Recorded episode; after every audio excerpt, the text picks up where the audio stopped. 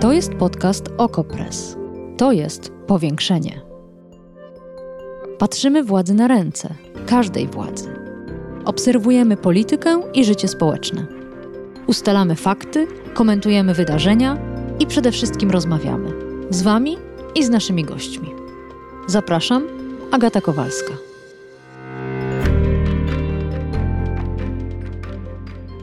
Wczoraj rano napisałam na Twitterze do słuchaczek i słuchaczy powiększenia. Wilk to szkodnik. Wilki porywają dzieci. Wilki mnożą się z psami. Albo się nimi żywią. Wilki boją się ludzi. Wilków jest za dużo. I zapytałam, co Państwo słyszeli o wilkach? Napisałam, że zbieram fakty i mity do powiększenia, do rozmowy. Zasypali mnie Państwo opowieściami i za chwilę będę je przytaczać. Zastanawiam mnie, dlaczego w XXI wieku tak żywe są uprzedzenia do tego konkretnego ssaka, zupełnie jakby był wiek XIX. A wszyscy żylibyśmy w małych wioskach, gdzieś na uboczu, osamotnieni i bezradni wobec groźnych watach. I poprosiłam Państwa o te opowieści, a ekspertkę o ich ocenę. A pan Sławek, słysząc zapowiedź programu, napisał dosłownie przed chwilą: Najlepsza ekspertka od wilków to dr Sabina Pierużek-Nowak ze Stowarzyszenia dla Natury Wilk. Hmm. Panie Sławku, bardzo dziękuję za te sugestie i zapraszam na powiększenie.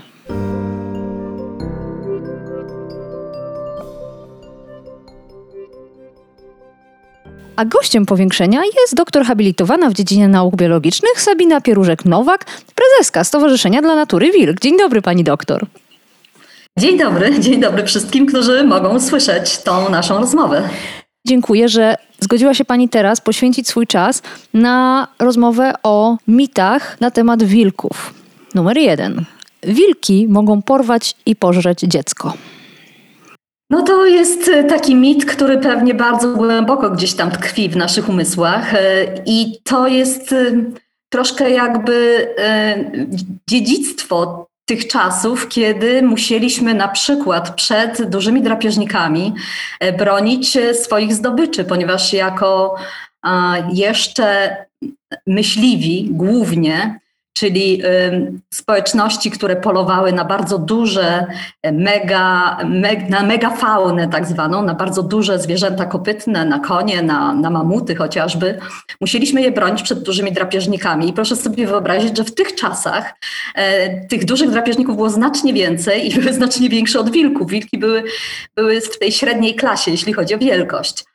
Natomiast rzeczywiście w tych czasach no, musieliśmy także bronić przed tymi drapieżnikami zapewne swoje potomstwo. Ale to chyba nie jest XIX wiek, te czasy, o których pani mówi. Nie, zdecydowanie, zdecydowanie wcześniej, kilkadziesiąt lat hmm. temu, 30, to 40 tysięcy lat temu. Jeśli pomyśleć o historii stosunków y, człowiek-wilk, to kiedy ostatnio w Polsce wilk porwał dziecko? A, Takiej informacji to nawet y, nie ma gdzieś tam w, w, jakichś bardzo starych, starych yy, zapisach. No to jeszcze pan Marcin, który pisze: Na Podkarpaciu usłyszałem, że jak po zmroku słychać wycie, to się nie chodzi po wsi, bo wtedy wilki atakują. Wilki wyją, kiedy ruszają do ataku? Nie, nie. Wilki wyją, kiedy po pierwsze, kiedy chcą się skomunikować ze, z członkami własnej grupy rodzinnej, na przykład kiedy mają im do zaoferowania po prostu pożywienie, czyli raczej wyją po polowaniu niż przed. I wtedy po prostu mogą na dużą odległość, ponieważ ich terytoria są bardzo duże, 300, 350, nawet więcej kilometrów kwadratowych, więc na taką dużą odległość traktują jakby to wycie, jak my używamy telefonu komórkowego, prawda? Czyli na, duż, na, na dużą odległość zapraszają członków swojej grupy rodzinnej na, na posiłek. Wyją także, żeby się skomunikować na przykład ze szczeniętami, które są gdzieś w jakimś miejscu odległym, e, gdzieś ukryte pod opieką jednego z członków, starszych członków e, rodziny. E, I w ten sposób wiedzą, że tam wszystko w porządku, prawda, że potomstwo jest bezpieczne. Albo opiekun tego potomstwa wyje do reszty grupy, żeby zakomunikować, że faktycznie coś niebezpiecznego się dzieje, coś niepokojącego się dzieje w otoczeniu i prosi ich o pomoc, o powrót z polowania. Wyją także, kiedy przychodzą z, z jedzeniem e, w, w, miejsce, gdzie są szczenięta, ponieważ one są bardzo ruchliwe szczenięta i takie bardzo aktywne. Każdy może sobie to wyobrazić, kto ma szcze, szczeniaka psa. I wtedy po prostu wyją, ponieważ nie mają tak do końca pewności, czy, czy to ich potomstwo ciągle jest w tym samym miejscu, w którym je zostawili, czy po prostu już gdzieś tam, prawda, zawędrowało kilometr dalej e, z opiekunem i wtedy lepiej e, zakomunikować, e, że wracają, uzyskać odpowiedź od nich i wiedzieć, gdzie mają się, prawda, z tymi ciężkimi żołądkami wypełnionymi jedzeniem udać. Mm. Teraz to z kolei z mojej rozmowy z myśliwym. Wilk to szkodnik, przez niego zanika, cytat, zwierzyna łowna. To jeden z takich najbardziej popularnych mitów, e, wynikających z braku w ogóle wiedzy na temat e, funkcjonowania tych układów drapieżnik i ofiara. Generalnie rzecz biorąc, nie ma możliwości, żeby wilki wybiły wszystko na, obszary, na obszarach, które są otwartymi obszarami, czyli, czyli możliwy jest dopływ prawda, osobników e, z tych e, populacji e, zwierząt kopytnych i odpływ. Czyli nie jest to, to teren, który jest całkowicie zamkniętą na przykład wyspą, ale nawet na takich wyspach jak Isle gdzie badano wilki, to jest w Ameryce Północnej, w Stanach Zjednoczonych, tam właśnie też nie dochodziło do takich sytuacji, żeby wilki wilki były w stanie zabić wszystkie zwierzęta e, kopytne żyjące, to znaczy wszystkie łosie, które tam żyły, mm. ponieważ w populacji e, tych zwierząt, tych potencjalnych e, zdobyczy, zawsze są osobniki, które są zna, znacznie lepsze w uciekaniu niż e, od wilków, które, no umówmy się, nie są tak dobre w gonieniu, w pogoni hmm. za, za swoimi Ale ofiarami. Jest jeden, ssak, jest... jest jeden ssak, który potrafi to, wybić wszystkie zwierzęta na danym obszarze i to jest człowiek. Tak, zdecydowanie, bo my jesteśmy super drapieżnikami. My jesteśmy y, istotami, które do zabijania wykorzystują mnóstwo narzędzi, które byliśmy w stanie wyprodukować dzięki rozwojowi swojego umysłu, prawda? W trakcie ewolucji tego wszystkiego się nauczyliśmy, a jednocześnie używamy także do tego zabijania innych zwierząt, na przykład psów. Hmm. Do, y, do pomocy w zabijaniu y, właśnie. Kontynuując tę myśl o szkodnictwie, wilków jest w Polsce za dużo. Nie ma już potrzeby ich chronić, trzeba zezwolić na polowania. I tu jest właśnie kwestia sporna, bo Ochrona wilków faktycznie przyczyniła się do znacznego wzrostu populacji i do osiedlenia się wilków w, w, lasach, w których dotychczas one nie występowały. I tutaj było troszeczkę takie, takie dwa procesy przechodziły, następowały. Pierwszym był wzrost populacji dzikich zwierząt kopytnych z uwagi na wzrastające zasoby pokarmowe. I to nie tylko w lasach, ale także na e, terenach sąsiadujących z lasami, na polach, tam nagle pojawiły się ogromne zasoby pokarmowe, które służą tym dzikim zwierzętom kopytnym, głównie, głównie dzikom oczywiście, ale także jeleniom, także sarnom. I to jest zasób pokarmowy, który także nauczyły się wykorzystywać wilki.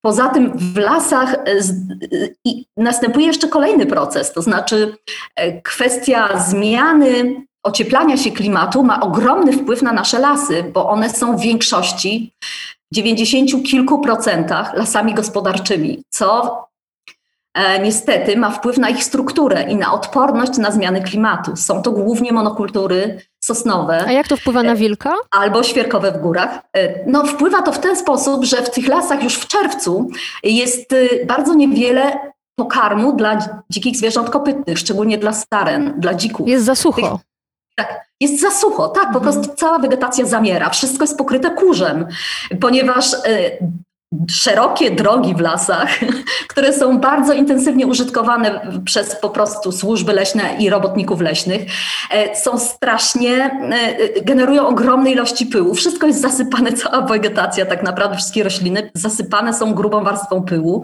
z tych dróg, ale może to jest mniejszy problem, ponieważ w pewnej odległości od dróg tego pyłu jest mniej, natomiast generalnie wszystko jest suche. Mhm. Więc w takich lasach jak na przykład Puszcza Notecka, która jest po prostu sztandarowym przykładem tego, jak E, ocieplenie klimatu działa fatalnie na lasy. To jest Taki obszar jest praktycznie nieprzydatny dla, dla dzikich zwierząt kopytnych. One przenoszą się na obrzeża lasu, gdzie jest e, znacznie bardziej wilgotno, gdzie są jeziora, gdzie, jest, gdzie są polany e, już i doliny rzeczne, prawda, na zewnątrz puszczy e, Noteckiej i tam żerują w zasadzie od połowy lata. Przez to tak naprawdę wilki no, w środku tego lasu, w środku puszczy mają niewiele mhm. do, do upolowania. Ale Prze, przenoszą że... się, szukają pokarmu tam właśnie na zewnątrz, w tych dolinach rzecznych. Ale przypomnę, że zapytałam o odstrzały i pani tak mocno nie zaprotestowała. To jaki jest pani stosunek do tego, żeby zdjąć ochronę z wilka i pozwolić myśliwym polować na nie tak, jak polują na e, sarny, jelenie, dziki i bobry i wszystko inne, co się rusza?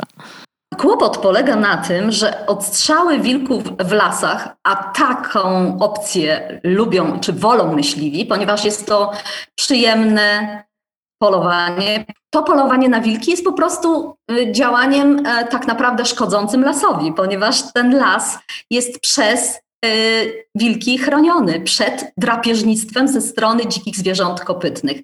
E, jedno, to znaczy podstawowym uzasadnieniem dla ochrony wilk, dla generalnie objęcia wilka ochroną w Polsce było to, że wilki spełniają pozytywną rolę w lasach, e, wpływając korzystnie na populację dzikich zwierząt kopytnych, obniżając jej zagęszczenia, e, ale także e, wpływając pozytywnie na kondycję zdrowotną dzikich zwierząt kopytnych. Tym samym tak naprawdę tym rozporządzeniem chronimy nie tyle konkretną liczbę wilków, ale ich działanie. Ale mam wrażenie, że gdzieś tam cały czas tkwi w tym, co pani mówi, jakieś ale, że gdzieś jest jakiś obszar racjonalnych podstaw do tego, żeby strzelać do wilków. Gdzieś przeczuwam, tak, że pani chce coś takiego tak. powiedzieć. Mhm. Chcę powiedzieć, ponieważ uważam, że w miejscach, które są e, terenami totalnie niesprzyjającymi obecności wilków, takie odstrzały, tak zwane odstrzały interwencyjne, powinno się prowadzić niestety. Czyli a nie można ich Tutaj... odłowić i przewieźć tak, jak się przewozi żubry, niedźwiedzie? Nie można przewieźć y, tych wilków w miejsce dla nich bardziej odpowiednie? Jeśli tych miejsc odpowiednich nie ma już, prawda? Jeśli w lasach, w których obecność wilków jest jak najbardziej pożądana i tam po prostu e, będę bronić, prawda, jak e, e, wszystkimi możliwymi metodami ich obecności i, i ich bezpieczeństwa, to uważam, że na terenach bardzo niesprzyjających, takich jak e, obrzeża miasta, jak miejsca, które są po prostu mozaiką e, niewielkich lasków, ale głównie są to e, pola i zabudowa, taka dość intensywna, na przykład podmiejska zabudowa, to takie miejsca moim zdaniem nie są miejscami dobrymi dla wilków, ponieważ tam jest duża liczba konfliktów, są zdarzenia, które tak naprawdę są monitorowane przez kamery, kamery za, zainstalowane przy budynkach. Ludzie widzą, co się dzieje, e, że wilki korzystają z tych obszarów nocą, czasami nie wchodząc jakby ewidentnie w konflikt z ludźmi, ale są tam i są widoczne. Ale co z tego właściwie? Bo ja bym chciała to zrozumieć. Okej, okay, są tam, ale sama pani powiedziała, wilki nie atakują ludzi, nie pożerają naszych dzieci. Co to za różnica, że tak jak na przykład dziki czy sarny weszły do miast, to, to, to co w tym złego, że i wilki będą y, się pojawiały? No to tak naprawdę wynika z naszej, y, z naszej mentalności, z naszego odczuwania, co akceptujemy, a czego nie. Ponieważ ta świadomość ekologiczna naszego społeczeństwa mocno wzrasta, akceptujemy te sarny, te jelenie, te dziki, nawet łosie, blisko naszych zabudowań, cieszymy się obecnością tych zwierząt, ponieważ mamy takie poczucie, prawda, że przyroda y, jest na wyciągnięcie ręki.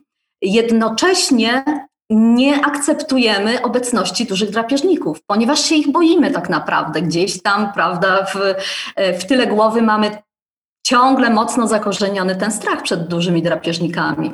Mhm. E, może sama wiedza, że gdzieś są w pobliżu, jest dla nas znośna, natomiast już widzenie ich, potem oglądanie na Facebookach, prawda, sąsiadów, że popatrzcie, dzisiaj w nocy wilk przeszedł naszą uliczką, prawda?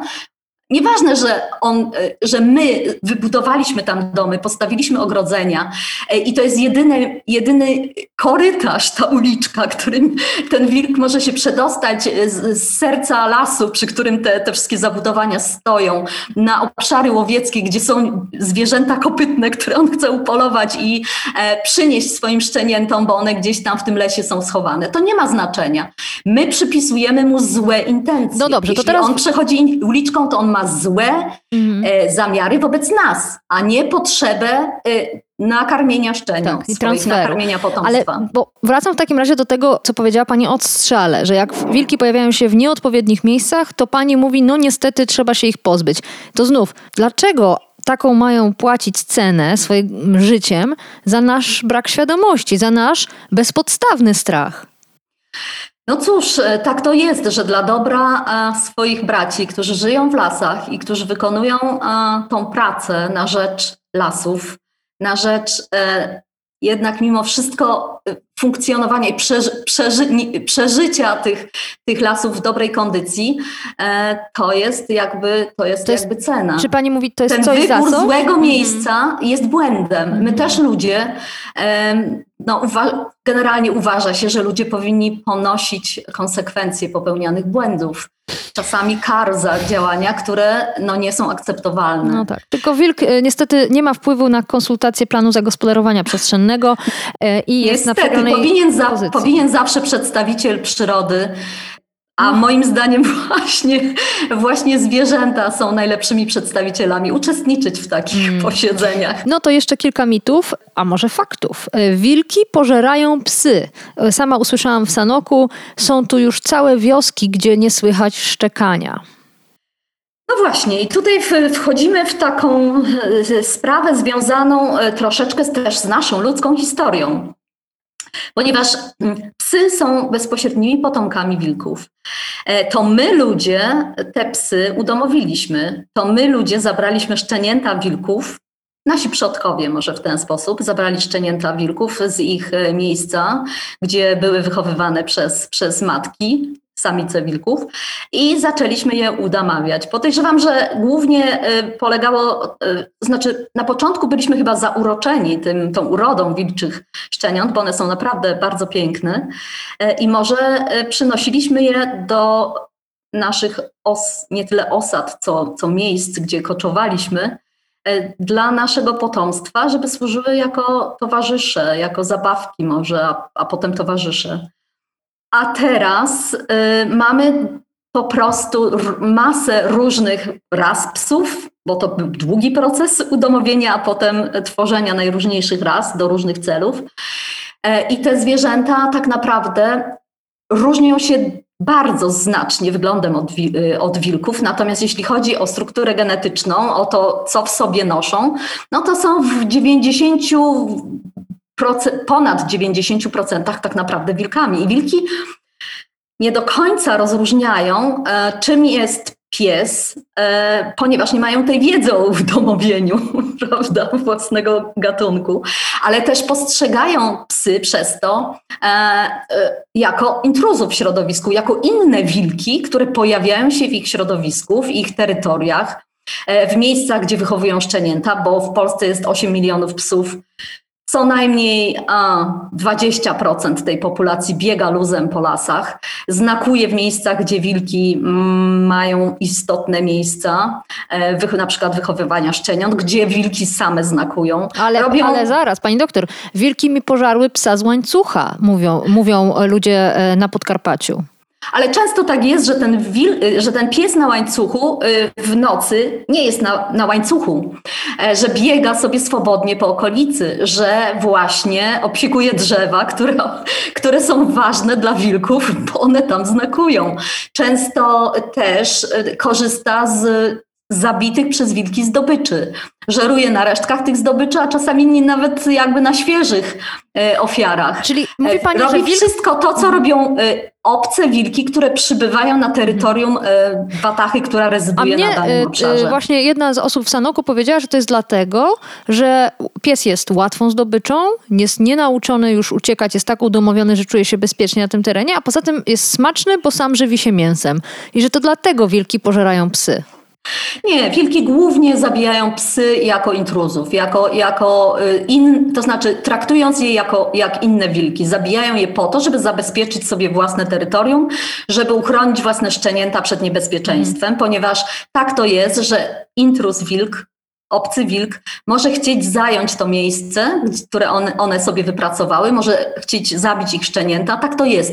Wilki generalnie rzecz biorąc są bardzo przywiązane w obrębie grupy rodzinnej, prawda? Nawzajem mają do siebie o, ogromne ogromne, że tak powiem, uczucie, jeśli można to tak nazwać, ale każdy, kto ma psa, wie, że psy są zdolne do uczuć, a, a psy dokładnie odziedziczyły tą cechę po, po wilkach, więc, więc ta, ta więź w obrębie grupy rodzinnej absolutnie nie przekłada, albo może przekłada się na nienawiść w stosunku do sąsiadów.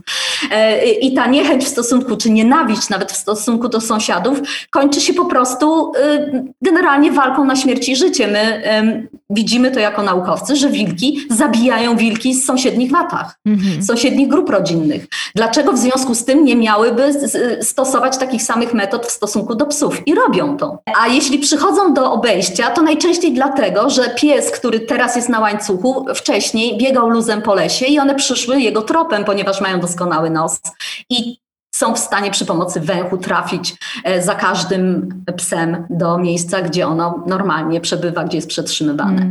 E, to jest jeden, jeden e, jakby powód, dla którego wilki zabijają psy. Inny powód może być taki, i to się zdarza, i te, z tym mamy od czasu do czasu do czynienia, że po prostu jest jakaś sytuacja dramatyczna w danej grupie rodzinnej, jest choroba, jest świeżbowiec na przykład, szczenięta są wygłodzone i w związku z tym, jeśli jest jeden tylko opiekun tej, tych szczeniąt, bo na przykład zaszły jakieś zdarzenia, wypadek samochodowy drugiego partnera i śmierć, e, to może być na tyle zdesperowany, że po prostu e, w tej diecie i w tych zdobyczach dla, dla, dla swojego potomstwa uwzględnia także psy i przychodzi po, po psy. Mhm. A zdarza się też, że po prostu wilk, młody wilk, który tak zwany, możemy go określać młodzież wilcza, która po prostu opuszcza grupę rodzinną, bo tak jak w naszych ludzkich rodzinach, e, wilki po prostu w pewnym momencie swojego życia, kiedy mają e, w naszych kryteriach te młodzieżowe lata, kilkanaście, w kryteriach ludzkich lat, a tak naprawdę wilczych około półtorej do dwóch, y, do dwóch lat, po prostu opuszczają grupę rodzinną i idą przez całą Polskę. I wtedy przez różne obszary, czasami y, takie, w których na przykład nie ma dzikich, y, dzikich zdobyczy, nie ma możliwości polowania na dzikie zwierzęta, ponieważ ich tam nie ma. Mamy wiele otwartych obszarów, prawda? I wtedy no, korzystają troszkę jak my podczas jazdy autostradą z tak zwanych fast foodów. I dla wilków może być tym fast foodem albo mogą być albo zwierzęta gospodarskie, albo po prostu psy. Hmm. To kolejne zdanie, które y, przeczytałam w internecie. Wilki najlepiej dokarmiać poza wsią, wtedy nie będą podchodzić i nie będą atakować. To troszkę taka, taka spuścizna po świętym Franciszku z Asyżu, tak? Bo tam jednym y, y, takim y, zasadniczym e, elementem umowy jak, jak głosi legenda, pomiędzy świętym Franciszkiem mm. a, e, a mieszkańcami wsi e, tej miejscowości było to, że on jakby dogadał się z wilkiem, że wilk nie będzie atakował im zwierząt gospodarskich pod warunkiem, że oni się będą z nim dzielić pokarmem, prawda?